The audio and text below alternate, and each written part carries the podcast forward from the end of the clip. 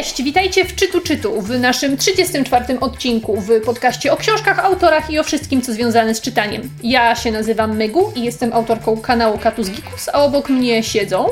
Ocia, autorka podcastów.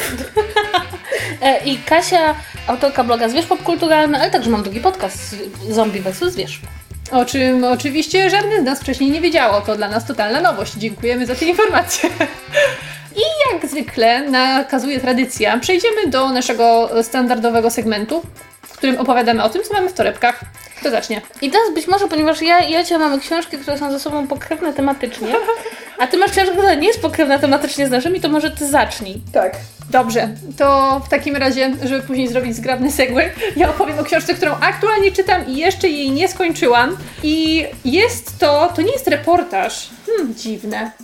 Nie, Dlatego, że nie wydało tego wydawnictwo czarne. Nie, to nawet nie wydało tego wydawnictwo polskie, ponieważ E, Okej, okay, e, historyjka. Ja byłam ostatnio w Berlinie, tak? Jak ktoś mnie obserwuje w social media, to widział, że pojechałam sobie na konferencję dla tłumaczy do Berlina i wtedy bardzo mnie zainteresowała historia e, generalnie podziału Niemiec, podziału Berlina, zwłaszcza, że w pewnym momencie okazało się, że ja jestem, byłam jakimś porąbanym ludziem, który nie miał pojęcia, jak wyglądała mapa Niemiec w okresie podziału.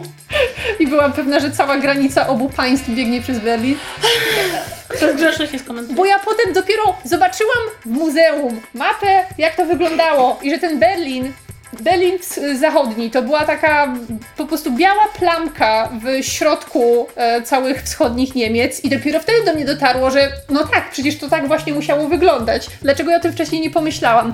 I kierowana właśnie tą swoją niewiedzą i tym swoim dotychczasowym ignoranstwem stwierdziłam, że czas najwyższy dowiedzieć się o tym e, czegoś więcej. Tym bardziej, że e, byliśmy tam razem z Krzyśkiem i mieszkaliśmy u jego znajomej, która z takim wielkim zapałem opowiadała nam w ogóle o tej historii, zabrała nas do E, całego muzeum na temat e, podziału Niemiec i muru berlińskiego i e, mówiła o tym tak była tym tak strasznie zafascynowana i była tak zachwycona tym, że my chcemy o tym słuchać, że y, postanowiłam dowiedzieć się jeszcze więcej na ten temat i tego samego dnia poszliśmy tam do wielkiej, pięknej księgarni, która była pełna książek, niestety głównie po niemiecku, ale była, była rewelacyjna, jedna z największych księgarni w Berlinie.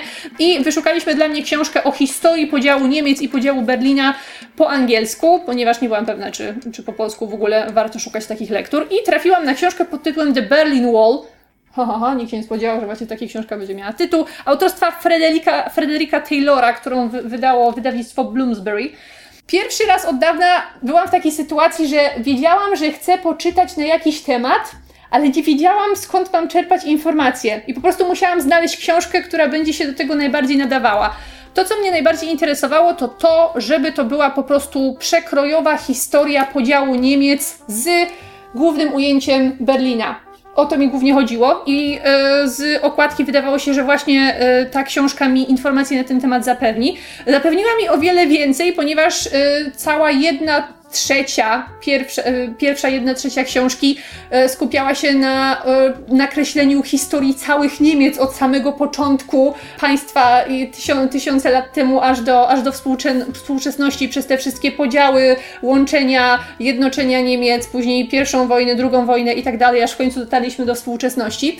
I rzeczywiście jest to książka z gatunku tego, że jeżeli chcesz po prostu poczytać ciekawą książkę historyczną, po prostu po to, żeby ją poczytać, to to nie jest taka książka. Okay. Musisz, musisz rzeczywiście być zapalony na temat i chcieć zgłębić właśnie daną e, dziedzinę historii, e, żeby być w stanie przez nią przebrnąć, ponieważ jest to, jest to niestety dosyć łopatologiczne opra opracowanie historyczne z bardzo dużą ilością szczegółów. Nie jest to podręcznik, nie jest to coś, co.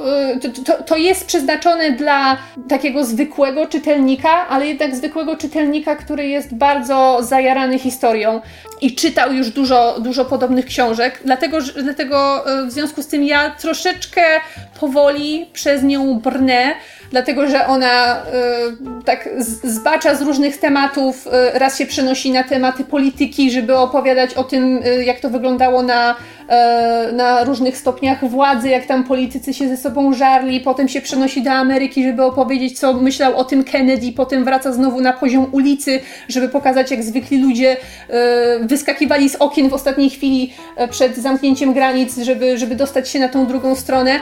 I mnie najbardziej interesowała właśnie ta część opowiadająca o zwykłych cywilach i o tych spektakularnych ucieczkach, o których się, e, o, o których się słyszy i niestety o tych też e, słynnych historiach ludzi, którzy nie przeżyli ucieczki przez, przez mur berliński.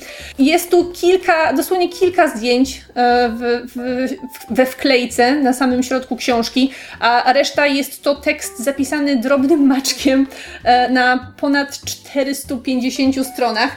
Także e, wiem, że powinnyśmy tutaj zachęcać do lektur, które, które obecnie, obecnie czytamy, ale ja zaznaczę, że o ile uważam, że to jest historycznie bardzo dobre opracowanie, które w taki e, kompletny sposób przedstawia temat, to jest to to jest to książka trudna i nie każdemu, e, nie każdemu by podeszła. Tym bardziej nie będę jej rekomendować jako lekki, e, lekki reportaż, taki jaki znamy z, z wydawnictwa Czarne, gdzie tam bez względu na to, jaki jest temat, czasami można jakąkolwiek książkę przeczytać, e, ponieważ oni dobierają swoje, swoje pozycje wydawnicze w trochę inny sposób.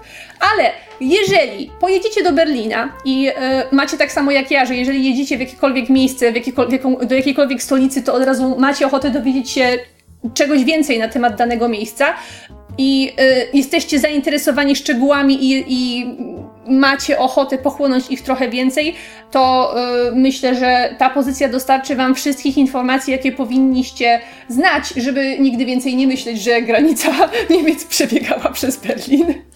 Ja jeszcze mam do Ciebie pytanie, bo wydaje mi się ono dosyć e, logiczne. Dlaczego nie przeczytałeś reportażu wydawnictwa Czarne o Murze Berlińskim?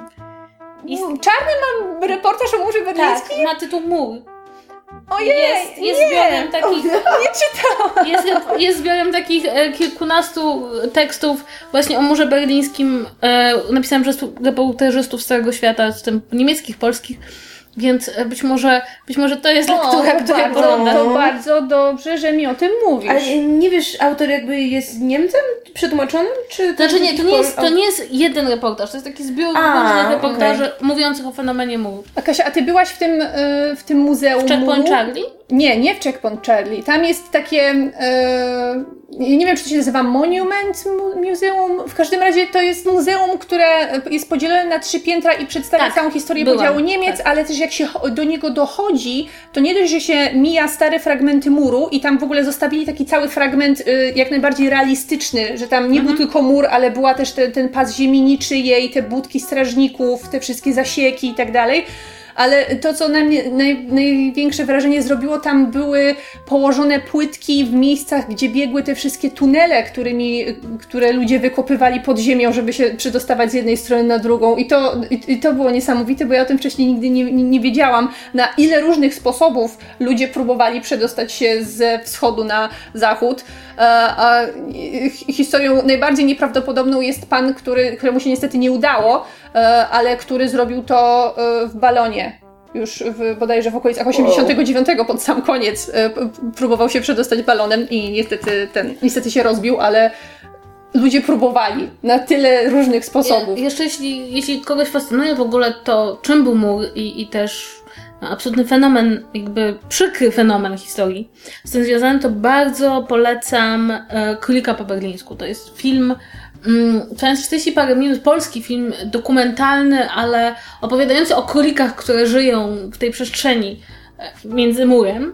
E, oczywiście to nie jest o królikach, to jest o ludziach i o tym, jak oni się dostosowali do tego muru i jak, e, jak upadek muru zmusił do przystosowania się do innych czasów, ale to pod względem wykorzystania materiałów archiwalnych e, i też no, takiej dosyć dobrej i sprawnej metafory. Bardzo polecam ten film dla każdego, kto się, kto się tym interesuje. I też to jest bardzo ciekawe, bo to z jednej strony jest oczywiście metafora, jest to film krótkometrażowy, ale daje pewną paczkę informacji, którą potem człowiek ma w głowie i nie dziwi się potem przebiegowi granic. No i teraz moje drogie, ja nie wiem jak my to zrobimy, ale ja nie mam absolutnie żadnego pomysłu na zgrabny segway. Nie, nie ma zgrabnego segwaya. To może Kasia od, zacznie. Od, od muru berlińskiego do seksu. Niemcy tworzyli dziwne porno. Wszyscy się z nich śmieją. Ja, wiem, mam, mam, segway, mam segway od muru berlińskiego do seksu. Mur berliński pojawia się w Men From Uncle, w Men From Uncle grają seksowni faceci. Seks. Okej, okay, okay. Czyli to jest ten odcinek o seksie. tak. I o murze berlińskim. Otóż e, ja przeczytałam książkę e, sex.pl e, bardzo specyficzną książkę z bardzo wielu powodów. Książka jest pokłosiem akcji, którą zaczęła w Polsce modelka Ania Rubik. I jest odpowiedzią cała ta akcja i też ta książka na brak dobrej, systemowej polskiej edukacji seksualnej w szkołach. Książka powstała z myślą o tym, że była czymś w rodzaju nieistniejącego podręcznika y, do takiej edukacji seksualnej, jakiej w polskich szkołach zdecydowanie nie ma, ponieważ oczywiście mamy w polskich szkołach coś, co nazywa się wychowaniem do życia w rodzinie. To już z samego tytułu y, sugeruje, że jest to ideologicznie nakierowana edukacja seksualna. No ale problem polega na tym, że jakby mm, tych zajęć bardzo często nie prowadzą dobrze przeszkoleni edukatorzy seksualni, bardzo często rodzice nie chcą zapisywać swoich dzieci na te zajęcia. Y, no i ogólnie mamy z tym olbrzymi problem, a jest to o tyle problematyczne, że wiemy ze wszystkich danych, że dobra edukacja seksualna e, przyczynia się do zmniejszenia się ilości zachorowań na choroby weneryczne wśród młodych ludzi, do zmniejszenia się niechcianych ciąż wśród młodych e, kobiet i w ogóle dobrze wpływa na pewne mm, psychiczne, dobre, psychicznie dobre przejście okresu dorastania, kiedy bardzo dużo się dzieje w organizmach młodych ludzi, także związanego z seksualnością. E, no i chcą się oni jakoś odnaleźć. Plus y, to, nie wiem, czy to pewnie jest w tej książce, jakby taki fakt, że to nie jest tak, że jak się młodym ludziom zacznie mówić o seksie, to oni się rzucą, żeby ten seks uprawiać, tylko ponoć statystycznie jest tak, że właśnie te osoby lepiej doedukowane w tym zakresie właśnie później zaczynają współżycie, bo są właśnie bardziej świadome wszystkich stron tego, z czym to, to się, się wiąże. tak, no i książka składa się z wywiadów ze specjalistami, psychologami, seksuologami, e, ludźmi, którzy opowiadają o konkretnych aspektach edukacji seksualnej, przy czym opowiadają zarówno o kwestiach, które wydają się najbardziej oczywiste i powiedzmy być może najbardziej e, przyciągające uwagę, to znaczy mówią o antykoncepcji, mówią o inicjacji seksualnej, mówią o różnych tożsamościach i orientacjach seksualnych, no ale także jest tam bardzo dużo uwag dotyczących takiego e, psychologicznego i psychicznego rozwoju młodych ludzi i to jak w tym wszystkim e, znajduje się seksualność. Książka jest też tak napisana, żeby zachęcić do jej lektury nie tylko młodych ludzi, ale też jej rodziców. To znaczy, jest to taka książka, po której lekturze zarówno młodym ludziom, jak i ich rodzicom powinno być łatwiej usiąść i porozmawiać o kwestiach związanych z seksualnością i dorastaniem. E, książka została wydana e, w, w ciekawy sposób, to znaczy jest to przede wszystkim pozycja bardzo ładna. Jest tam bardzo dużo zdjęć takich hipsterskich młodych ludzi. Jest dużo cytatów wyrzuconych na margines, jest dużo kolorów. Książka w ogóle kosztuje 19 zł, ponieważ wydawnictwo wydało ją po kosztach. E, jakby widząc w tym bardziej misję społeczną wydania tej książki. A to wydał WAB czy? E, WAB, okay. WAB. Mm, wydania tej książki właśnie jako taki łatwy, dostępny podręcznik. Ja ją kupiłem za 14 zł, bo w Bonito jeszcze było przecenione, więc jest to w ogóle groszówka, prawie każdego stać. Są tam też, e, wypowiadają się e, no, ludzie popularni wśród młodych ludzi, którzy mają pewne informacje przekazać. I powiem tak, z jednej strony uważam, że ta książka jest fantastyczna, bo dostarcza w sposób taki, t- takiej wizji seksualności, która jest moim zdaniem bardzo zdrowa, to znaczy, że no w seksie nie ma nic złego, w różnych tożsamościach seksualnych nie ma nic złego, w różnych orientacjach seksualnych nie ma nic złego, że seks wymaga pewnej odpowiedzialności i że to, i także odpowiedzialności nie tylko związanej z antykoncepcją, ale także pewnej psychologicznej odpowiedzialności, że uczy akceptacji własnego ciała, Mówi bardzo dużo o tym, że no jakby do niczego nie można być zmuszonym, uczy takich stawiania sobie też własnych psychicznych i fizycznych granic. I to mi się wszystko bardzo, bardzo podobało, a jednocześnie czytając tą książkę miałam wrażenie, że problem z nią jest taki, że powinna być trzy razy grubsza. Że jest bardzo dużo tematów, które ta książka nie podejmuje. Moim zdaniem e, najważniejszym tematem, którego nie podejmuje i uważam, że to jest duży błąd i też e, wydaje mi się, że błąd paradoksalnie trochę ideologiczny niestety. Znaczy, w tej książce nie ma słowa o ciąży w innej kontekście niż antykoncepcji. Ja rozumiem, że nie chcemy, żeby młodzi ludzie zachodzili, młode dziewczyny zachodziły w ciąży, będąc nastolatkami, ale wiedza o ciąży, o tym, o płodności, wiedza związana z tym, co będzie, kiedy zajdziesz w ciążę, no bo część nastolatek zajdzie w ciążę jako nastolatki. Wiedza w ogóle związana z tym, e, czym jest poczęcie, jak, jak, czy jest łatwo, czy jest trudno, kiedy, ile się ma... Jezu, w ogóle nauczmy, zacznijmy, zacznijmy uczyć ludzi, że to wcale nie jest takie proste, tak, jak się tak. wydaje. I e, zwłaszcza, że jakby potem nie będzie na to czasu, tak? Mm. E, bo nie ma potem takich dodatkowych lekcji na studiach, gdzie ktoś przychodzi i mówi, dobra, to już właściwie dziewczyny jesteście w tym wieku, że możemy wam powiedzieć wszystko odnośnie, odnośnie poczęcia ciąży. Nie, to jest ten moment. I tak strasznie mi tego brakowało, bo po pierwsze, ja jestem absolutnie stuprocentową zwolenniczką wyboru kobiet, żeby mogły robić aborcję na życzenie. Jestem tego zwolenniczką, uważam, że nie do mnie należy decydować za innego. Ale nie może być tak, że w książce edukacji seksualnej ciąża pojawia się tylko w kontekście aborcji. Uważam, że to jest nieprawda. To znaczy, to nie jest prawda o ludzkiej seksualności. I nie jest to też jakby z punktu widzenia mojego edukacyjnego, dla mnie im więcej kobieta wie o swojej płodności, im więcej wie o, o tym, kiedy może zajść w ciążę, jakie jest ryzyko, jakie są pierwsze objawy ciąży chociażby, tym więcej ma władzy i siły. To jest y, jakby też, jest to część wiedzy o swoim organizmie. No, na przykład, ja nie chcę nic mówić, no ale jeśli już mówimy o, o kwestii, nie wiem, aborcji, no to byłoby dobrze, żeby dziewczyny wiedziały, jakie są pierwsze objawy ciąży. Nie tylko związane, powiedzmy, z brakiem okresu, dlatego że u dziewczyn ten cykl bywa bardzo nierówny. E, też wydaje mi się, że należy powiedzieć bardzo dużo o bezpłodności. To jest też rzecz, którą, o której w pewnym momencie trzeba powiedzieć. I to też nie, jakby nie będzie potem tej kolejnej lekcji, tak? Skończy się edukacja szkolna i nie będziemy już mogli o tym powiedzieć, a tymczasem jest to problem, który dotyka wiele osób i, i, i uważam, że powinno o tym być. Więc dla mnie tego rozdziału strasznie brakowało. Ja mam wrażenie, że to jest coś, bo niby się mówi, że, u, u, czy nie, że nie, nie niby, rzeczywistość wygląda w ten sposób, że u nas edukacja seksualna właściwie nie istnieje w Polsce, ale to wcale nie jest prawda, że y, w krajach, w których ona jest, stoi na bardzo wysokim poziomie, te tematy są poruszane na, na takim samym stopniu, jak powinny być. Tam też się o tym za bardzo nie mówi.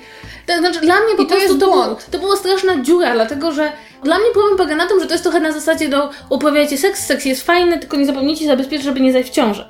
I to jest fajne, jak mówimy o 16 czy 17 latków, ale to kiedyś na jakimś poziomie życia część osób będzie chciała uprawiać seks, żeby zajść w ciążę i będą potrzebowali pewnych informacji. Więc poza tym dla mnie to jest pewno, no jednak mimo wszystko jest to pewien element związany z ludzką seksualnością bardzo mocno. E, więc e, tego mi zabrakło i czego, drugiej rzeczy, która mi zabrakło, wydaje mi się, że powinien być dużo, dużo większy wstęp, taki czysto biologiczny. Znaczy, bo to jest książka bardzo psychologiczna, taka w tej edukacji takiej społecznej, seksualnej bardzo, natomiast wydaje mi się, że powinno być dużo więcej faktów związanych z biologią, taki, taki, taka, wiecie, taki wstęp dotyczący tego, jak to wszystko wygląda. Nie wiem, jak budowa narządów, tak? Tak, tak. Mówisz? Moim zdaniem tam było tego za mało, było to za mało wyjaśnione, tam, tam się pojawiają elementy budowy narządów, ale wydaje mi się, że powinno być więcej. Znaczy, powiedzmy, że może to można usprawiedliwić tym, że to jest jedyna ta rzecz, która faktycznie jest w szkołach, bo jest po prostu na biologii ale... i raczej nie jest, powiedzmy, ideologiczna. Tak, nie? ale wydaje mi się, że skoro już robimy taką no paczkę tak, tak, dla tak, młodego człowieka, to, e, to byłoby bardzo dobrze, żeby mu tą paczkę jakby zrobić jak najlepszą. Być może będzie jakiś drugi tom. E, osobiście mam też taki problem, ale to jest mój problem. Ja nie cierpię książek, które przekazują informacje przez wywiady. Bo ja jestem bardzo nieufna względem ekspertów. Znaczy, inaczej, jestem nieufna względem ekspertów odpowiadających na pytanie, jestem bardziej ufna, jak oni napiszą książkę. Ja sobie to czytam i jakby nie czuję, że to jeszcze jest zdanie. E, w każdym razie, wydaje mi się, że to jest tak. W domach, w których się w ogóle nie mówi o edukacji seksualnej, no to to jest w ogóle absolutny skarb. Natomiast dla mnie e, ta książka idealnie nadaje się do tego, żeby rodzice, którzy mają no takiego dorastającego nastolatka, wzięli tą książkę, postawili ją na półce, powiedzieli, że ta książka tutaj stoi i jakby co, coś było niepokojącego albo nad czymś się zastanawiasz, albo masz dylemat, to możesz sięgnąć do tej książki i ona jakby, to jest taki wytrych, żeby móc o pewnych rzeczach przeczytać nie w internecie, bo rzeczywiście w internecie jakby tych informacji jest i dużo i one, też młody człowiek prawdopodobnie nie wie skąd wziąć te, które są autentyczne. I to jest taka książka, do której możesz sięgnąć. Jak chcesz, możesz z nami o tym porozmawiać, bo to jest oczywiście ta idealna sytuacja, kiedy możesz przyjść do rodziców, ale jeśli, jeśli dwie strony czują się zbyt skrępowane, albo jakaś sprawa jest no taka, że bo człowiek wolałby nie mówić o tym rodzicom, a jednak nie ukrywajmy, że, że wszyscy jakby mają pewien problem z rozmawianiem o swojej seksualności z rodzicami, to książka jest, tutaj masz informacje i, i możesz po nią spokojnie sięgnąć. Na sam koniec chciałabym powiedzieć, że ogólnie uważam, że to jest... Mm, niesamowite, że osobą, która podjęła się zrobienia czegoś takiego e, w Polsce, na realia polskie i w ogóle e, na, na podjęcie takiej inicjatywy jest Ania Rubik. To znaczy, ja nie mam, nie uważam, że modelka była głupia, ale dla mnie i absolutnie nie mam takiego stereotypu w głowie, ale dla mnie jest niesamowite, bo to jest moim zdaniem jedna z najbardziej obywatelskich rzeczy, jaką ktokolwiek zrobił w Polsce w ostatnich latach. Jakby dla mnie wyszła ona z zupełnie niespodziewanego, niespodziewanego źródła i też bardzo bym, wydaje mi się, że y, wymagało to od niej dużej odwagi, jednak biorąc pod uwagę, że nadal mówimy o Polsce, to znaczy sygnowanie swoim nazwiskiem publikacji, która dosyć jednoznacznie ideologicznie będzie się nie podobała części osób. Ale także e, doprowadzenie tego poza wyłącznie no, jakąś kampanię internetową, bo jednak ta książka jest fizycznie, zresztą jej promocja była bardzo fajna, bo zrobiono coś takiego, że zrobiono szkołę edukacji seksualnej, przez kilka dni były warsztaty i, i spotkania, na które można było przychodzić i zapisywać dla młodych ludzi.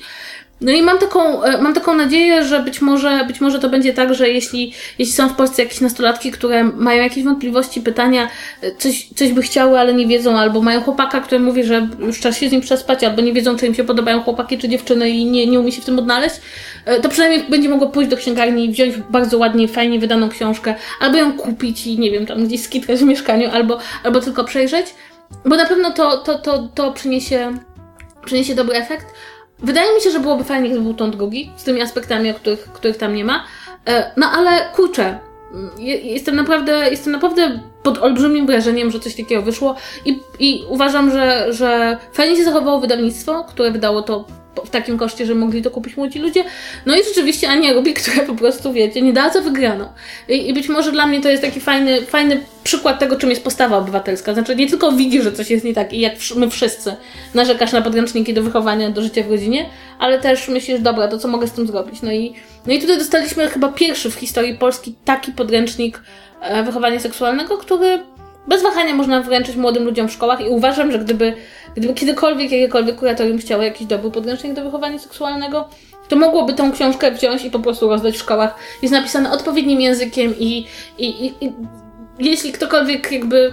To jest taka edukacja seksualna, która zasadniczo rzecz biorąc mówi poczekaj i bądź pewny tego, co robisz i bądź bezpieczny. Więc jakby wszystkie rzeczy, które z tymi bardzo trudno się nie zgodzić tak naprawdę. Chyba, że założymy, że młodzi ludzie w ogóle nie mają seksualności, no ale to jest to jest ciekawe. Pojawiły się ostatnio. Pojawił się ostatnio, tak. Kurator, małopolska kurator miała ostatnio wątpliwości, że młodzi ludzie mają seksualność. Seksualność nie ma wątpliwości, że ma młodych ludzi. Dobrze, więc to jest moja książka i moja balcanka. Ocia, więcej seksu, dajesz. Więcej seksu, dobrze. To jak już y, nie będziecie aż tak młodymi ludźmi, to ja z kolei przychodzę do Was z inną propozycją o bardzo takim, powiedziałabym, clickbaitowym tytule. E, mianowicie chodzi o książkę Sztuka obsługi penisa. I wbrew tytułowi to nie jest y, podręcznik z poradami, jak faktycznie używać męskich y, narządów rozrodczych. To jest wywiad rzeka. Tu Kasia pewnie się skrzywi, bo nie lubi wywiadów z ekspertami. Ale czy to jest wywiad rzeka z penisem? to, jest, y, to jest taka bardzo długa rozmowa, którą przeprowadza dziennikarz i scenarzysta i dramatopisarz Przemysław Pilarski z Andrzejem Gryżewskim, seksuologiem, psychologiem i psychoterapeutą, który zajmuje się właśnie od lat psychoterapią poznawczo-behawioralną i właśnie z naciskiem na problemy związane z seksualnością. Leczy zarówno mężczyzn, jak i kobiety, ale książka jest skoncentrowana właśnie na tej męskiej seksualności. To jest pozycja, którą Agora wydała na początku tego roku w takiej szacie graficznej dopasowanej do nowego wydania Sztuki Kochania. Kojarzę, że ta książka była dosyć mocno promowana i kojarzę również, że spotkała się z takim pozytywnym odzewem właśnie osób, które bardziej się na tej tematyce znają. Dlatego stwierdziłam, że, że to może być e, dobra, dobra pozycja, żeby, żeby od niej powiedzmy zacząć jakieś takie, nie wiem, poszerzanie wiedzy powiedzmy. O penisach? Tak. Właśnie nie tyle o samych penisach, co powiedzmy ogólnie o męskiej seksualności. Bo wydaje mi się, że siłą rzeczy ja na przykład wiem znacznie, znacznie więcej o tej seksualności kobiecej, bo to też było coś, o czym od jakichś tych właśnie młodych lat y, chciało się wiedzieć więcej. A, a to, jak naprawdę swoją seksualność postrzegają mężczyźni, jest takim trochę, powiedziałabym, bardziej tematem tabu i to... Ono przecież myślą o seksie co 3 sekundy, po co drążyć temat? Tak i... To ci powinno wystarczyć. I właśnie jest, jest, jest, mam wrażenie, że tak naprawdę bycie mężczyzną y, i posiadanie jakichś, jakichkolwiek problemu, problemów związanych z własną seksualnością to jest dramat, bo to jest tak wielkie tabu i to jest tak wielki problem, żeby najpierw jakby we własnej głowie przyznać się przed sobą, że ma się jakiś problem, a później na przykład udać się z nim do terapeuty, czy do seksuologa, czy do urologa. Ponoć były badania na ten temat i pan doktor powiedział, że 8% mężczyzn z problemami w ogóle trafia do specjalistów. Cała reszta swoje problemy bagatelizuje albo wmawia sobie, że tak naprawdę problem nie istnieje, że coraz więcej ludzi właśnie w takim wieku, powiedziałabym 25 plus czy 30 plus, po prostu rezygnuje z seksu z uwagi na właśnie różne nawarstwiające się problemy, z którymi nie chcą nic robić. Że łatwiej, y, łatwiej mm, wielu mężczyznom w jakimś sensie odciąć się od tego, niż przyznać, że ma się problem i spróbować jakoś ten problem wyleczyć.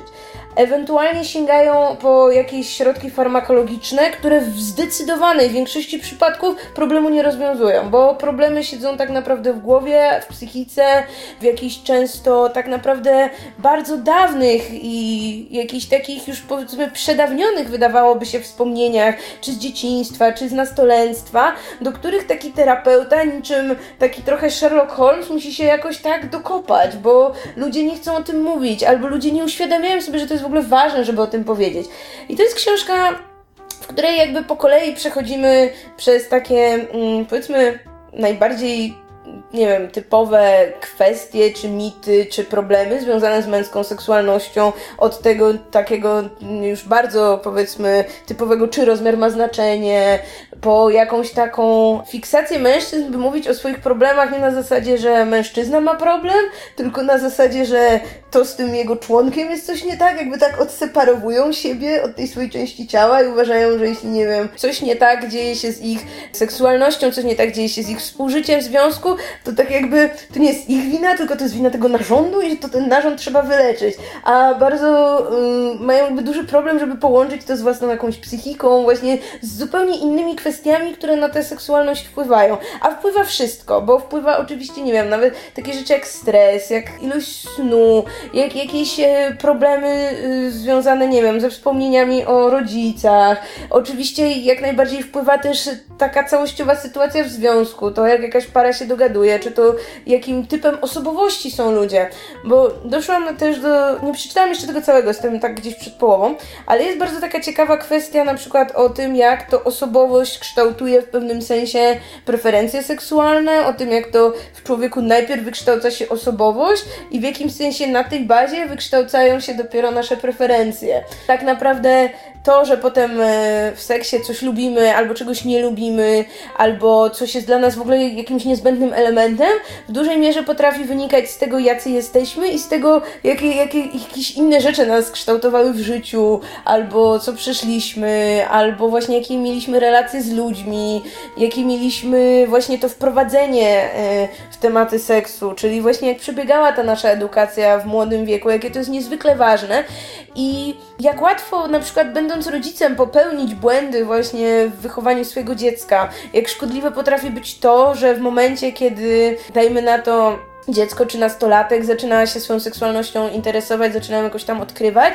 to jeśli na przykład jako rodzic, nie wiem, nakrzyczymy na to dziecko, albo będziemy próbować e, wmówić może, nie wiem, seks jest czymś złym, jak bardzo to potrafi na resztę życia dosłownie komuś przysporzyć problemów i jak potem bardzo trudno jest z pewnych rzeczy wyjść, z pewnego takiego myślenia, w którym e, tkwimy już na przykład, nie wiem, 10 lat, że później jako dorośli ludzie, no teoretycznie wiemy, że seks jest fajny, ale na przykład no, nasze ciało nie do końca rezonuje jeszcze z tym, co tak sobie teoretycznie tylko powtarzamy. I jak później, no bardzo ciężko nawet mimo terapii jest wyjść z pewnych jakichś takich schematów, które, które już w głowie mamy. Powiedziałabym, że w ogóle super by było, jakby każdy facet przeczytał tę książkę i sobie, jak, i sobie poukładał pewne rzeczy, bo widziałam takie Widziałam w sumie chyba może jedną, nie, nie chcę mówić, że było ich więcej, widziałam jedną taką wściekłą recenzję tej książki na Goodreads mężczyzny, który właśnie był bardzo rozczarowany tym, że ktoś tu każe chodzić im na terapię, że to jest bez sensu, że teraz właśnie wszyscy, że, że nie możemy być tacy, wiecie, miętcy, że tu terapia, Ojej. że nie, że właśnie mężczyzna powinien być silny, jak ma jakiś problem, to tam nie ma problemu i tak dalej. Właśnie ja bym bardzo chciała, żeby mężczyźni tak nie myśleli, żeby nie uważali, że na przykład, nie wiem, terapia to jest coś wstydliwego, albo że, nie wiem, jeśli mają jakiś problem faktycznie związany z seksualnością, że to przytrafia się tylko im i powinni jakoś wstydliwie to ukrywać. Właśnie absolutnie nie. To jest książka, która dla wielu, wydaje mi się, mogłaby być takim świetnym pierwszym krokiem do tego, żeby przyznać, że no może faktycznie jest coś, co ich dręczy, ale że to nie jest koniec świata, że nie są z tym sami i przede wszystkim, że jeśli tylko się jakby otworzą na jakąś możliwość pomocy, to mogą z tego wyjść i to może drastycznie polepszyć jakość całego ich życia, nie tylko życia seksualnego. No i po drugie, tak samo, nie wiem, wydaje mi się, że dla kobiet to też jest ważna książka, bo po pierwsze, no pomoże im jakoś tak inaczej spojrzeć na męską seksualność, bo w tej książce jest wszystko, właśnie są jakby też i medyczne schematy, są takie, mm, no podstawowe wyjaśnienia, jak to wszystko działa, jak się nazywają poszczególne elementy, takie czysto biologiczne opisy męskiego układu rozrodczego i tak dalej. No i właśnie są te wszystkie rzeczy dotyczące psychiki, dotyczące seksualności. I wiem, że ten duet autorów wcześniej popełnił też inną książkę pod tytułem jak facet z facetem, poświęconą z kolei męskim związkom homoseksualnym. I tego też jestem bardzo ciekawa i możliwe, że też spróbuję po nią sięgnąć, jak tylko skończę tę pozycję. Znaczy, dla mnie to jest w ogóle jakieś strasznie smutne, że kobiety i mężczyzn przede wszystkim edukuje się osobno seksualnie w bardzo dużym stopniu. Nawet lekcje wychowania seksualnego są osobno, z różnych powodów. Czasem też, żeby uczniowie się nie wstydzili, ale ogólnie edukujemy kobiety mężczyzn w zupełnie różnych kierunkach. Też dostarczamy im zupełnie in, inną ilość wiedzy, e, bo wydaje mi się, że kobiety jednak mimo wszystko dużo więcej wiedzą Tak. o seksualności z różnych, e, z różnych powodów. Jakby też wydaje mi się, że jest bardziej widoczna i bardziej o sobie przypomina. Jednocześnie kulturowo jakby no, jeśli powiedzmy kobiety nie są zadowolone ze swojego życia seksualnego, to jest na to przepis kulturowy. To znaczy, kultura mówi ci zasadniczo że możesz być niezadowolona i wszystko jest w porządku, bo jesteś kobietą i kto ci pow- nam, nam wmawiał, że masz być zadowolona. No i w każdym razie wychowujemy te dwie grupy osobno, po czym one się muszą spotkać w łóżku, tak? Tak. Albo w jakimkolwiek innym miejscu, w którym e, chcą uprawiać seks i się kompletnie nie znają, nie rozumieją, nie mają języka nawet, żeby się ze sobą porozumieć.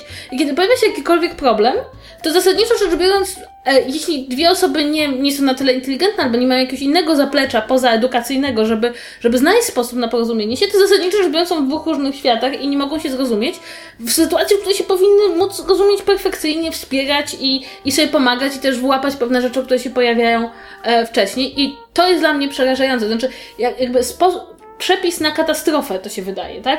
Weźmy dwie osoby, które koniecznie będą musiały robić coś razem i absolutnie nie udzielajmy im wzajemnie sobie informacji, e, a potem zostawmy ich w bardzo intymnej sytuacji i na pewno wszystko będzie dobrze i wszyscy będą zadowoleni, więc, więc mam wrażenie, że, że twój quest, żeby się dowiedzieć więcej o męskiej seksualności jest bardzo słusznym pomysłem także dla, e, dla naszych czyta- słuchaczek, bo, Tak. Bo wydaje mi się, że im lepiej, im lepiej się rozumie, co się dzieje u faceta, tym łatwiej można mu pomóc i tym w sumie on się też będzie bardziej komfortowo czuł, a jak się wszyscy komfortowo czują, to jest zabawnie, tak? Jak ktoś, jak ktoś się czuje niekomfortowo, to jest zwykle niezabawnie. Tak, no i właśnie biorąc pod uwagę te wszystkie takie właśnie kulturowe, powiedzmy, takie pęta, no, w których mężczyźni żyją w bardzo wielu przypadkach, może łatwiej będzie, jeśli, nie wiem, kobieta dostrzegając, że jej partner ma jakiś problem, ona go na przykład zachęci do pójścia na terapię albo do pójścia do lekarza i w jakimś sensie, nie wiem, ona mu opowie, że no właśnie, że nie musi się czegoś wstydzić albo że może sobie z czymś poradzić, bo często jest niestety tak, no, że właśnie mężczyzna pozostawiony sam sobie się na ten krok nie zdecyduje i będzie pewne tematy bagatelizować, więc y, czytajcie o seksie, edukujcie się, obojętnie w jakim jesteście wieku. Tak. I jakie jesteście płci? Tak, O. I z kim macie zamiar ten seks uprawiać? tak.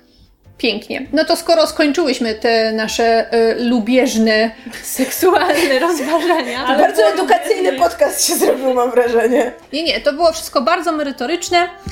Y, Mam nadzieję, że nasi słuchacze docenią to, y, w jakie y, głębie ludzkiej seksualności zapuściłyście się ze swoimi lekturami i ja z moim morzem berlińskim.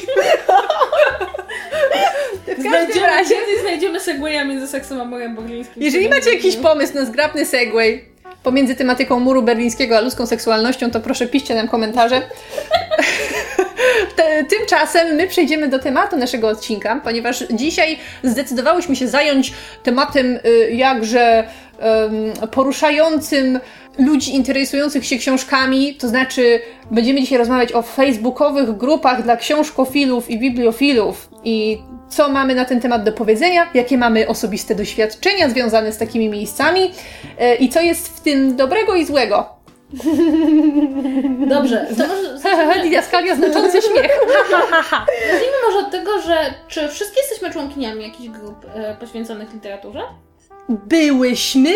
Ja jestem w jednej... Jestem w dwóch. Jestem w jednej, w której jestem autentycznie dlatego, że jestem ciekawa, co ludzie tam piszą i e, co prawda... A nie, czekaj, jestem, jestem, jestem w jednej grupie książkowej. Przepraszam, po, po, po, poprawka. Tak, e, więc z jednej strony jestem autentycznie ciekawa, co ci tam piszą, przy czym poprawka brzmi taka, jestem ciekawa, co pisze ta moja matka. E, e, I to jest w sumie głównie po to jestem w tej grupie czytelniczej. Drugi jestem, ponieważ moje znajome poleciły mi ją jako przestrzeń niesłychanie interesujących obserwacji literaturo, litera, literacko-społecznych. Innymi słowy, może zacznijmy tak trochę wstępem.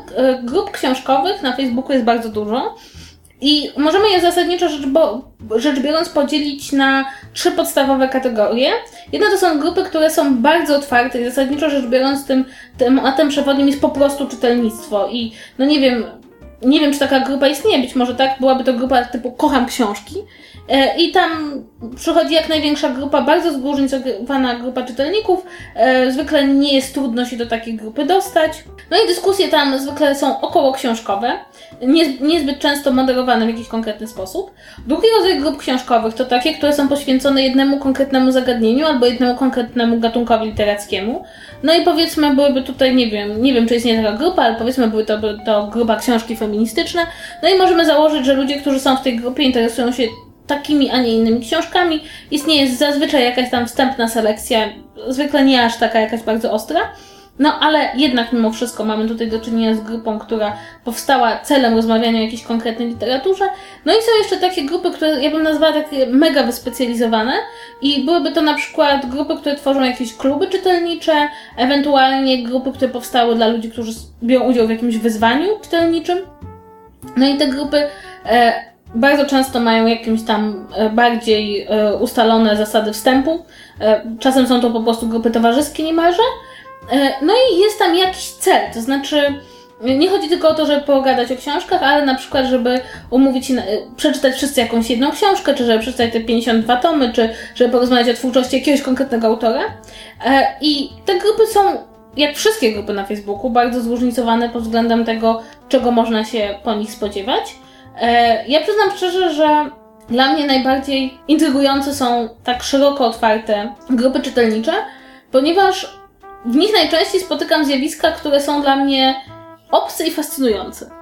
Bardzo ładnie to określiłaś. Tak, bardzo też tak, powiedziałabym elegancko, eufemistycznie, żeby nikogo nie urazić. To znaczy, ja, ja właśnie powiem Wam, że w momencie, kiedy musiałyśmy się zastanowić nad tym, do jakich grup książkowych właściwie na Facebooku należymy, to ja weszłam na chwilę na stronę tej grupy, do której y, ja czasami zaglądam i dotarło do mnie, że to jest y, grupa y, książkowa Tygodnika Powszechnego, to znaczy taka, która posiada o wiele totalnie inny y, profil użytkownika niż y, większość innych grup książkowych, do których dot- dotychczas należałam, e, ponieważ jest to grupa przeznaczona dla ludzi o wiele bardziej książkowo świadomych, a nie głównie nastolatek, tak jak y, większość grup, y, grup książkowych, których byłam wcześniej. I y, widzę, że nie jest ona aż tak aktywna jak, jak inne pozostałe grupy, ale jednak ludzie, którzy tam piszą, piszą naprawdę takie, powiedzmy, poważ, poważniejsze rzeczy i że nie są, nie są to takie przepychanki, jakie można na takich grupach często spotkać, więc y, w tym momencie troszeczkę zmieniłam moje negatywne zdanie o Okej. grupach książkowych.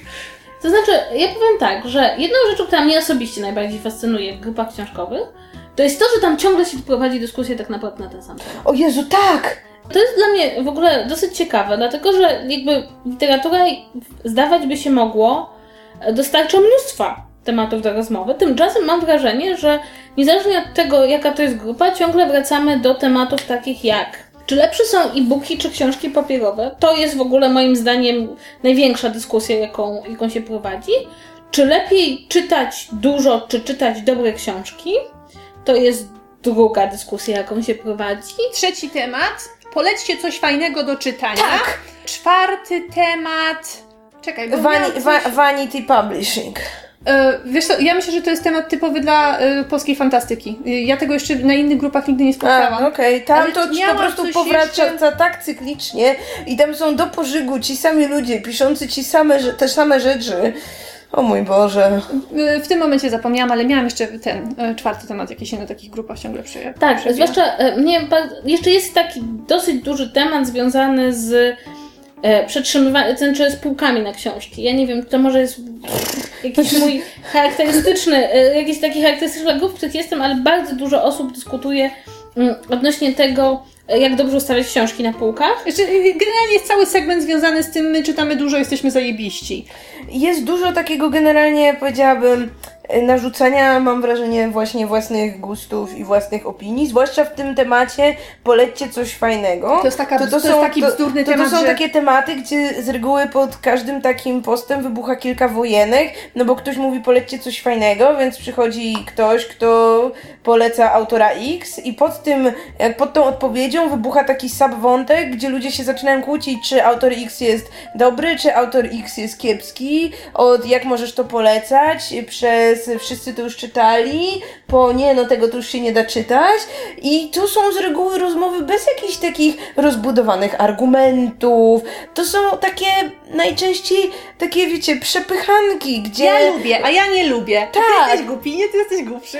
Moja prawda jest najmojsza. Mnie zawsze też fascynuje, jeśli mogę powiedzieć, tutaj, to samo to pytanie, to znaczy, bo to pytanie nigdy nie jest sformułowane tak, żeby nie wywołać takiej dyskusji, bo zwykle to tak polećcie coś fajnego do czytania. No i to, to, to, to brzmi trochę na zasadzie polećcie jakiś ładny kolor.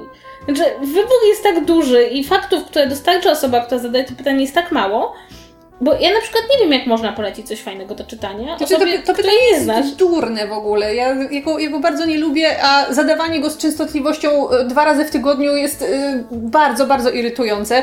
E, Myślę, że na tym etapie już się pożegnaliśmy z kolejnym tematem, który swego czasu był na grupach bardzo popularny, to znaczy z zakończeniem ekranizacji całej serii o Greyu e, na grupach przestał się pojawiać temat Greya i tego, jak bardzo nie szanujemy ludzi, którzy czytają Greya i czy w ogóle wolno czytać Greya, a jeżeli wolno, to czy tylko ironicznie, czy można poważnie, a Ale jeżeli nie wolno, to powraca. czy wszystkim, czy powraca jeszcze? Powraca, powraca. Wydaje mi się, że, że, że to jest fascynujące, jak bardzo Grey powraca.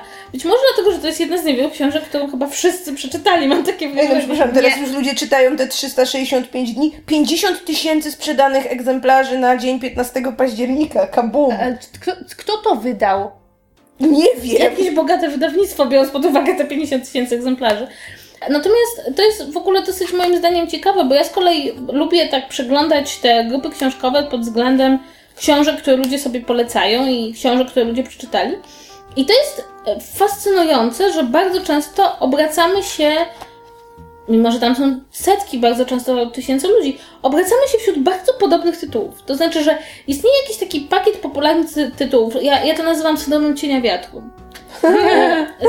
To polega na tym, że jeśli nie daj Boże zaczniesz jakąkolwiek rozmowę odnośnie literatury i ktoś ma ci coś polecić albo powiedzieć, co przeczytał, to w pierwszych 10 komentarzach będzie cień wiatru. Znaczy, no to jest generalnie związane z listami bestsellerów, prawda? Raz na jakiś czas trafia się taka książka, którą czyta większość osób, prawie wszyscy. No i y, jeżeli jest je- jednocześnie y, chociaż trochę y, krytycznie po- pozy, po, pozytywna i zaskarbiła sobie jakieś dobre recenzje, no to wiadomo, że ona się w takich rozmowach pojawi i będzie polecana. Ale to jest zaskakujące, bo ci ludzie wtedy wychodzą z założenia, że osoba, która pyta, nigdy o tej książce nie słyszała i trzeba ją dodatkowo polecić, czy jak? Po prostu, to jak wiecie, wchodzicie na grupę właśnie dotyczącą fantastyki i przecie polecie mi coś dobrego, a na przykład ktoś poleca Lema. No dobra, z całym szacunkiem, ja uwielbiam książki Lema, ale to nie jest tak, że chyba ktoś, kto pisze na grupę o fantastyce nigdy nie słyszał o tym, że, że istnieje Lem i trzeba mu tego Lema polecić. No dobra, ale wybrałyśmy ten temat y, y, trochę ironicznie. To znaczy, byłyśmy przygotowane na y, rozmawianie o tym, jak bardzo rakotwórcze są tego rodzaju grupy. Więc co jest w nich najgorsze? Dla mnie jest Ludzie! Nie, Dla mnie w tych grupach najgorsze jest tworzenie pewnego mm, bardzo opresyjnego e, obrazu czytelnika i tego, czym jest czytanie i tego, czym czytanie powinno być w życiu człowieka, bo zasadniczo rzecz biorąc, e, mam wrażenie, że to są e, w bardzo wielu przypadkach idealne pokłosia wszystkich akcji promujących czytelnictwo. No i zazwyczaj nasilają się w okolicach opublikowania kolejnego raportu o stanie czytelnictwa w Polsce. Tak, to znaczy, e, i rzeczą, która dla mnie jest fascynująca, to po pierwsze to takie utożsamianie się z czytaniem na zasadzie, że jeśli lubię czytać książki, to jestem molem książkowym, jestem czytelnikiem, jest, jest to jakby mój, jakaś moja tożsamość. Być może ja na to patrzę znowu z jakiejś takiej dziwnej perspektywy. Rozumiem, że dla części osób określanie się jako czytelnik może być o tyle ciekawe, że nie mają wokół siebie ludzi, którzy czytają, ale to jest taka tożsamość, która się samo napędza. Znaczy, my jesteśmy lepsi od innych, bo czytamy, jesteśmy dziwni, bo czytamy, e, inni robią tak, inni oglądają seriale, a my czytamy, inne kobiety kupują sobie szminki, a ja sobie kupuję książki. E, No ja uwielbiam czytać i ogólnie dużo czytam, no ale jakby bycie czytelnikiem nie jest rzeczą, która mam wrażenie jest aż tak bardzo określa człowieka względem świata, bo e, określa go raczej podejście do tego, jak, do, do tego, co czyta. To znaczy, jaką postawę przyjmuje względem każdego dzieła fikcji i w ogóle względem kultury, czy jest otwarty na interpretację, czy robi to dla przyjemności, czy robi to dla pracy. A wydaje mi się, że to jest dużo bardziej stanowiące o naszej tożsamości jakiegoś odbiorcy kultury. Więc e, druga sprawa jest taka, że e, ta tożsamość czytelnika jest straszliwie powierzchowna. Znaczy ona się zasadza na przedmiotach. To jest to wąchanie książki.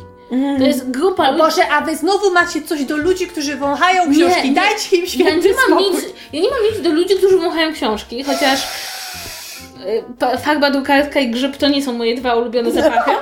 E, ale uważam, że to jest jakby takie infantylizowanie czytania trochę. To znaczy sprowadzenie go do pewnych symboli, które ostatecznie prowadzą nas na parapet z kocykiem i, i z książką w I ręku. ciepłym kakao. A, zamiast tej okropnej imprezy, na której są ludzie. Ja myślę, że to bardzo dobrze można po prostu. Idealną ilustracją do tego zjawiska są komiksy Sarah Scribbles. Zwłaszcza ten słynny o tym, że o, ubrania, no to wydaje tylko, tylko tyle, ile, ile trzeba, na jedzenie też tylko, ile, tylko tyle, ile trzeba, ale na książki, o Jezu, to dolary fruwają, wszystko wydaje na te książki. I że zamiast właśnie wychodzić i spotykać się z ludźmi, to wolę zaszyć się w domu i poczytać książkę. Nie no, ja to rozumiem, ja też lubię, ale to jest takie y, sprowadzanie takiego zjawiska tylko do jednego wypracowanego modelu zachowania i, i to jest troszeczkę dziwne Ale dla to jest, mnie. to jest w ogóle zabawne, bo z jednej strony jest jakby tak, że należysz do tej grupy, to jesteś tym człowiekiem bardziej i, i w kontrze do tych osób, które nie są w grupie, nie czytają w domyśle, są bardziej tam, nie wiem, e, takie zajęte przyziemnymi rozrywkami albo wydają na jedzenie, albo cokolwiek, fuj. A równocześnie w ramach każdej takiej grupy też są ci ludzie, którzy są bardziej niż inni członkowie tej grupy, którzy w momencie jak zapytasz właśnie polećcie mi coś fajnego, to polecą ci w poszukiwaniu straconego czasu albo Ulyssesa, na zasadzie, że jak tego nie czytasz, to jesteś debilem i w ogóle dlaczego, nie wiem, czytasz y, kryminał, albo dlaczego czytasz horror, albo dlaczego czytasz, nie wiem, najnowszą powieść z list bestsellerów, kiedy w tym czasie mógłbyś czytać tę filozoficzną, niszową, francuską powieść y, z przełomu y, modernizmu i postmodernizmu, bla, bla, bla, i którzy właśnie będą ci mówić, że mm, no, jeśli przeczytałeś Greya, albo nie wiem, jeśli przeczytałeś jakąś powieść Janka Dahl, to nie jesteś prawdziwym czytelnikiem i coś tam, coś tam. To są często ci sami ludzie, którzy wiecie, tylko papier i e-booki w ogóle nie są prawdziwymi książkami. Ach, mieć jest- znowu 15 lat. Ale- ale to jest takie śmieszne, że z jednej strony y, ludzie są front czytających przeciwko nieczytającym, a z drugiej nawet wśród tych czytających próbują być bardziej. Znaczy, dla mnie to jest o tyle fascynujące, że istnieje pewna koncepcja, która jak ja widzę pojawia się w tych rozmowach, to zwykle jest wyśmiewana i, i spychana po prostu na, na margines, to jest to, że czytanie jest rozgrywką. I że ogólnie rzecz biorąc czyta się dla przyjemności. Nie, to jest misja. I to jest niesamowite. To znaczy, ja powiem szczerze, że zwykle jak sięgam po książkę, to sięgam dlatego, że chcę sobie sprawić przyjemność i mieć fajną rozgrywkę. Książki mają ten plus, że jeśli czytamy w papierze, to nie muszą być podłączone do prądu, w związku z tym jak pada deszcz, to nie musisz się bać, że ci zmoczy, zmoczy mm, elektro, elektronika albo nie wysiadają w nich baterie, tak? To jest bardzo dobre.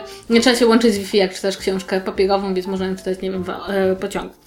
W związku z tym dla mnie to jest przede wszystkim rozrywka i dlatego bardzo często sięgam po książki popularne, ponieważ co pewien czas człowiek ma ochotę na romansidło, no i ja uważam ogólnie rzecz biorąc, że e, filmowe romansidła czasem nie dają mi tego wszystkiego, czego pragnę od życia, w związku z tym biorę, sięgam po książkowe, sięgam po książki sensacyjne, dlatego że są ciekawe.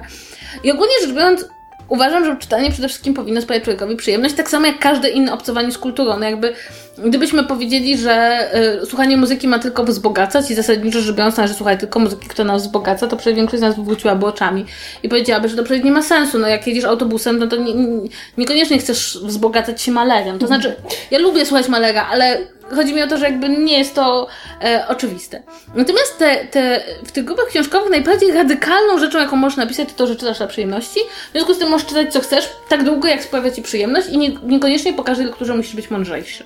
I dlatego ja właśnie mówię, że moim zdaniem to są idealne, jakby te grupy są idealnymi dziećmi promocji czytelnictwa, ponieważ ja nie pamiętam akcji promocyjnej czytelnictwa, które mówiłoby Czytanie jest przyjemnością, jest rozrywką, jest sposobem zabijania nudy, jest sposobem wypełniania wolnego czasu, e, nie wiem, jest sposobem na mm, tanie podniety, jeśli czytasz powiedzmy, nie wiem, 365 dni, no to to też jest rozrywka, no. E, Więc i to jest dla mnie dosyć ciekawe, że ten aspekt kompletnie tam nie istnieje, bo moim zdaniem nie pasuje do tworzenia sobie tożsamości czytelnika, która wydaje mi się, musi, jakby czytanie stało się, jest chyba w Polsce taką czynnością, którą wszyscy traktują w tak wzniosły sposób, że nie możesz po prostu czytać dla przyjemności, tylko musisz być czytelnikiem. I ja nie mam nic przeciwko osobom czytającym, natomiast powoli zaczynam nienawidzić czytelników. Jako, Mhm. jako tego tak. konstruktu, e, który się w tych dyskusjach e, pojawia. Inna sprawa jest też taka, że nie wiem jak wy macie, ale ja bardzo często jak czytam opinie o książkach, to orientuję się, że nasza edukacja szkolna nie nauczyła ludzi pisać o złych książkach. Że ludziom bardzo brakuje umiejętności napisania, dlaczego im się książka nie podobała. Nie no, chujowa była, no i tyle. Ale też ludzie bardzo emocjonalnie reagują na opinie na przykład złe o książce, która im się podobała, bo jakoś tak personalnie przyjmują do siebie nawet opinie, które nie atakują czytelników książki, tylko samą książkę. Ludzie mają bardzo taką tendencję, żeby brać to do siebie, że jak to ci się nie podobała. Ale to jest o wiele szerszy problem, nie dotyczący tylko i wyłącznie książek, ale również y, filmów. Tak, ale wydaje mi się, że bardzo to jest powiązane z tym właśnie z tym, co Kasia mówi, z tym takim brakiem aparatu krytycznego i umiejętności oddzielania dzieła od y, gustu, od jakichś takich włas, własnej osoby wręcz. Znaczy, ja muszę powiedzieć, że dla mnie takim dosyć przejmującym momentem e, w każdej grupie książkowej co pewien czas wychodzi jakaś książka o zagładzie. E, Mieliśmy, U. mieliśmy całe lata dominacji chłopca w pasiastej piżamie. Potem przez e, chwilę było Zabiłam swoje dziecko, jakieś w tym stylu, że o kobiecie, która zabija swoje dziecko w Auschwitz. Teraz jest tatuażysta z Auschwitz. Jest absolutnym przebojem. I dla mnie po tych książkach e, o zagładzie, o reakcjach na nie, widzę pewien problem. To znaczy, edukujemy ludzi bardzo dobrze, jeśli chodzi o historię literatury. Znaczy, nie bardzo dobrze, ale tak pobieżnie. Mówimy im o metaforach, przenośninach, e, uczymy, na czym polegają stopy w, w wierszach rytmicznych, ale kurczę, nie mówimy im, na czym polegają metody wywołania pewnych emocji w literaturze. I potem bardzo widzę, jak niesamowicie te grupy pokazują, jak ludzie się łapią na najprostsze metody wywołania jakichś emocji u czytelnika, jak dają Generalnie się wzięcie na tapet zagłady w ogóle tak, jest podstawowe. jakby zagładę, dziecko, e, wzruszające, wzruszające poświęcenie, w ogóle pójście w takie bardzo czułostkowe e, rzeczy, nie, nie liczenie się z realiami, bo ważniejsze jest e, napisanie książki, która tam, nie wiem, wzruszy ludzi. I jakby ja nie mam pretensji do żadnej jednostki, nie uważam, że to jest wina ludzi, tylko to tak niesamowicie pokazuje, jak ludzie nie mają tego, jak, jak, jak to czytam, jak nie ma tego aparatu wyjścia poza fabułę i zastanowienia się tego, jak to jest zostało zrobione i dlaczego ja czuję to w danym momencie i w danym miejscu. E, I to jest e, właśnie, ilekroć widzę po prostu, jak wracają te same książki o zagładzie. No chłopiec w pasiastej piżamie jest idealnym przykładem książki, która jest po prostu takim e, nieuczciwym wobec czytelnika i wobec historii i wobec ofiar wyciskaczem łez, na które ludzie się łapią, ponieważ nie mają aparatu, który pozwoliłby im powiedzieć mm, hola, hola, jesteśmy tutaj... Ignorancko zapytam, to nie jest historia w jakikolwiek sposób oparta na faktach? Nie, absolutnie nie. To jest, wiesz, takie, taki, takie, e, jak to się nazywa? Holocaust Disneyland, tak? To znaczy bierzemy, bierzemy element zagłady i tak go przerabiamy, żeby nam pasował do, do jakiejś słodkiej historii, w której jakieś dziecko umiera, bo to zawsze jest najfajniejsze, jak dziecko umiera. E, I to jest, znaczy w, liter, w, literaturze nastawionej na wzruszenie.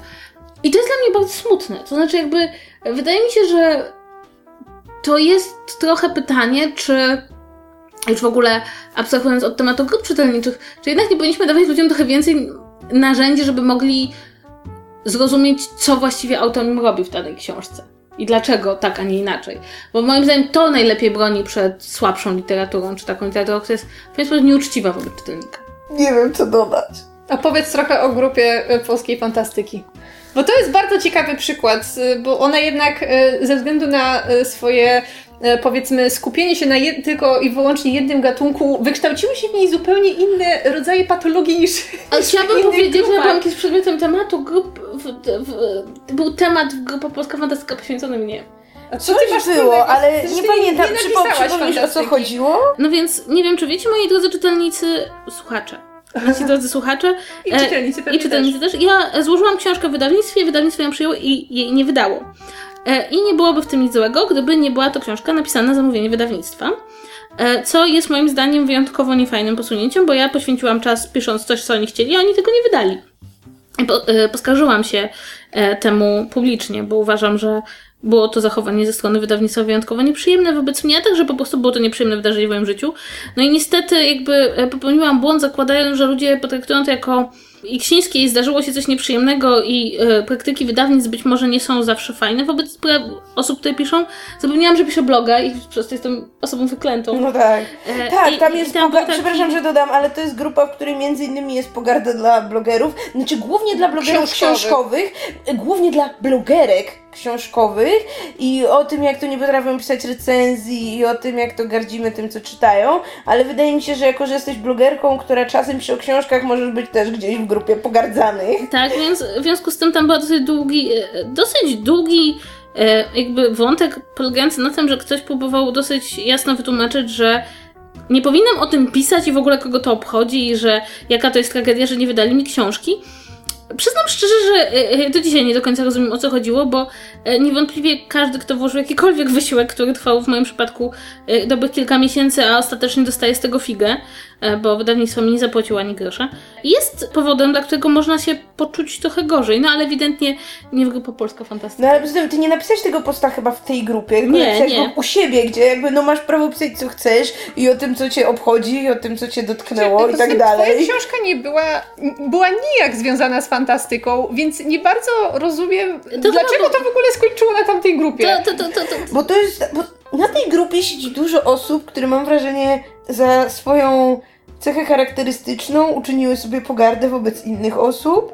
I Jezu, dlatego to jest grupa, na której. To jest. Na pewno nas nie słuchają. To jest grupa, na której ja nigdy nic nie napiszę, ale mimo wszystko jestem tam, bo chcę wiedzieć, jakie są afery, bo każda afera związana jakkolwiek z fantastyką zostanie nam natychmiast rozdmuchana. I właśnie, żeby wiedzieć, czy nie wiem, nie piszą czegoś niemiłego o, o ludziach, których znam albo których kojarzę i tak dalej.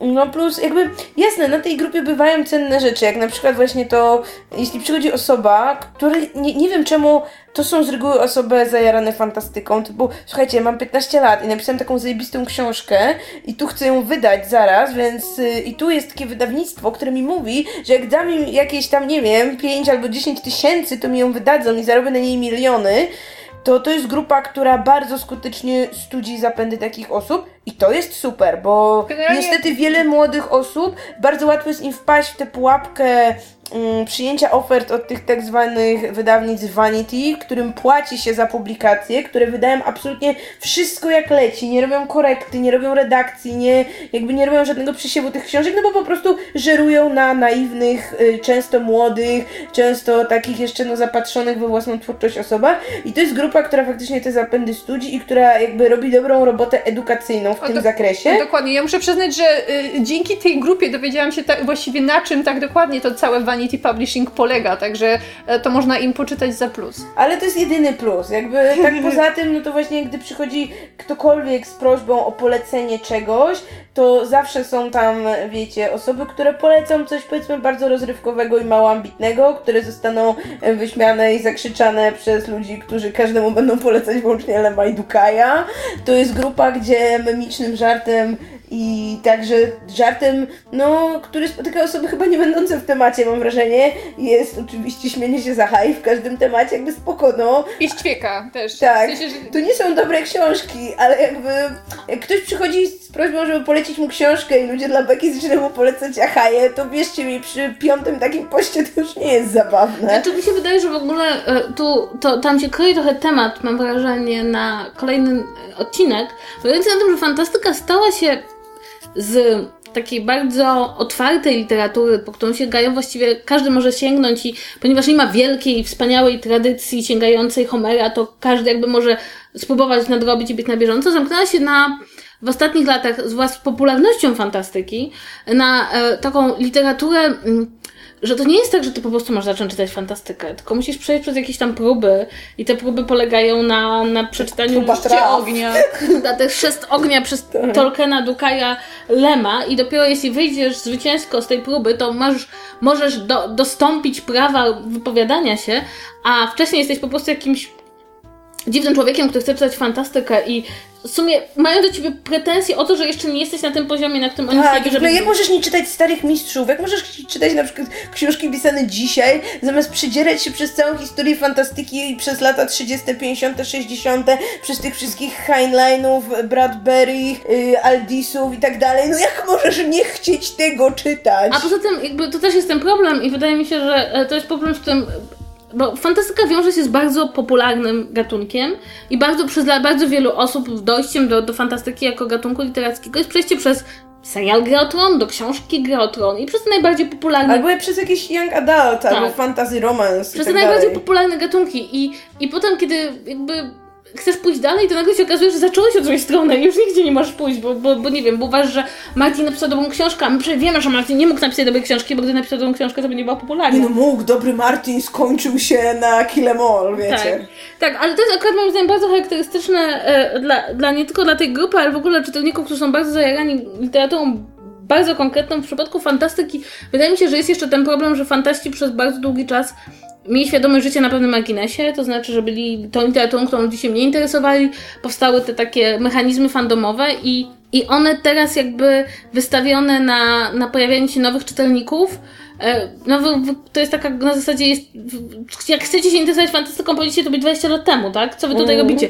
A ci ludzie mówią, mamy 17 lat, nie było nas tutaj 20 lat temu, ale trzeba było.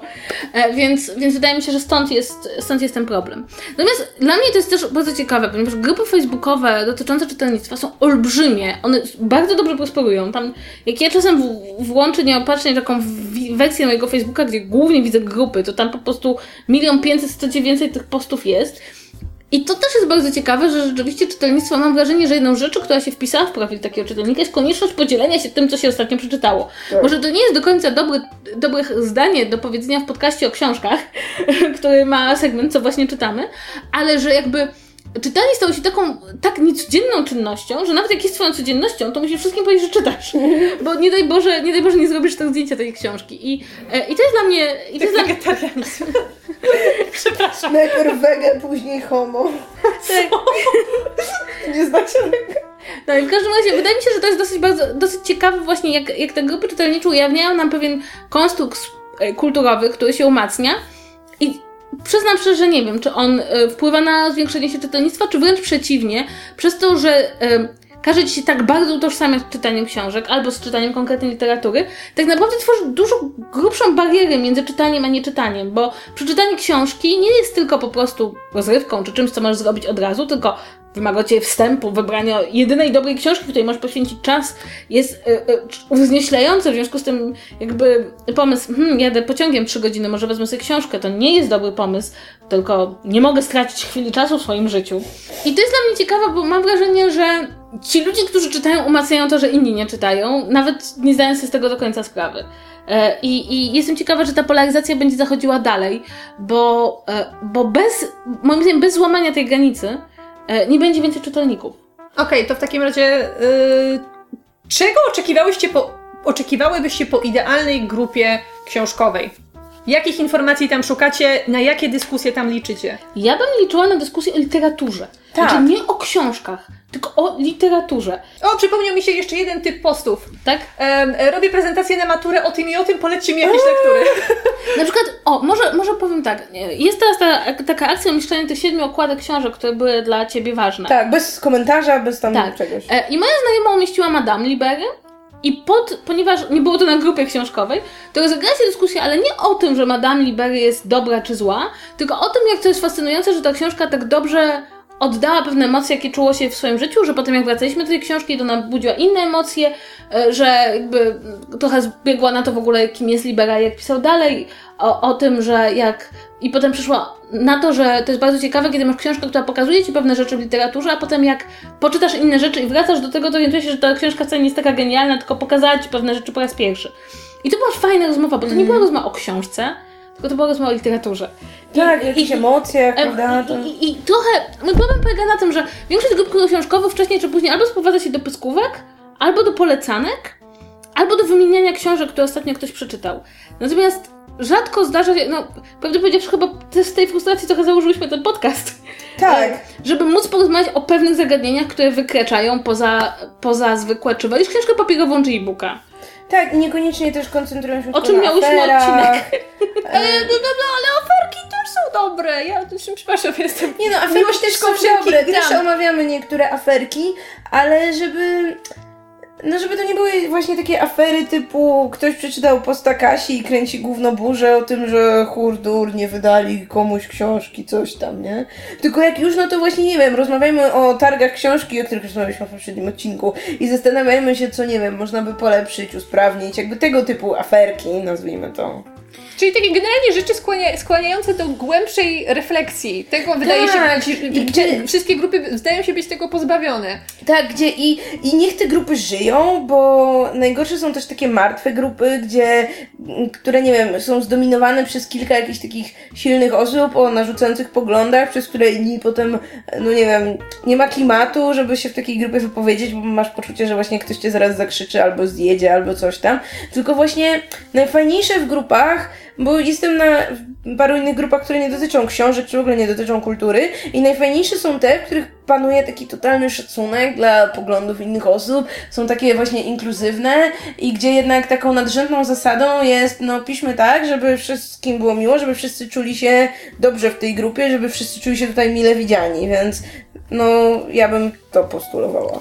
No, a i też dla mnie problem... moderacja. Tak, i dla mnie problem jest to, że bardzo jest mało dyskusji, które dotyczą tych rzeczy, które są związane z literaturą, ale nie są związane bezpośrednio z jaką książką, to, czyli czy z językiem literatury, z tłumaczeniem, zaznaczeniem Mhm. pewnych rzeczy, z jakimiś ulubionymi motywami. No takie rzeczy, które się pojawiają bardzo często, jak się rozmawia o filmach. Tak. Jakby, chciałabym, żeby ktoś zaczął rozmawiać o książkach tak, jak się rozmawia o filmach, ponieważ ludzie traktują filmy lżej, w związku z tym podrzucają lżejsze tematy, albo na przykład mówią, ej, obejrzałem w jakimś filmie i był taki wątek i nie wiem, co o nim myśleć. Bardzo rzadko mi się pojawia, że w grupie książkowej ktoś zamiast treścić mi całą książkę i opisać ten, mówi, wiecie, w książkach bardzo często, nie wiem, pojawia się wątek, że mija bardzo wiele lat między kolejnymi wydarzeniami, bo y, twórca nie musi się przejmować zmianą dekoracji oraz tym, że bohaterowie się postarzeją. Jak wy do tego się odnosicie? Te, tego mi brakuje. Mhm. Nagła tobie? Czego tobie Megu brakuje? Czego potrzebujesz w życiu? Ty już powiedziałyście wszystko. Ja się totalnie z tym zgadzam. Nie mam nic do dodania. Dobrze, to chyba... Zawijamy się. Tak, Boże, ale, ale narzekałyśmy. Po prostu nie wpuszcza nas więcej do internetu. No spoko, będziemy siedzieć i czytać książki o seksie, albo o murze. Znaczy, ja już widzę to, jak po premierze tego odcinka zaraz zobaczymy, y, że jesteśmy zablokowane w niektórych grupach. No trudno, No, takie to warto. Było fajnie, póki było. No, Tak, tak. No, Przeżyjemy. tak, jesteśmy blogerkami książkowymi, można nas banować. Tak.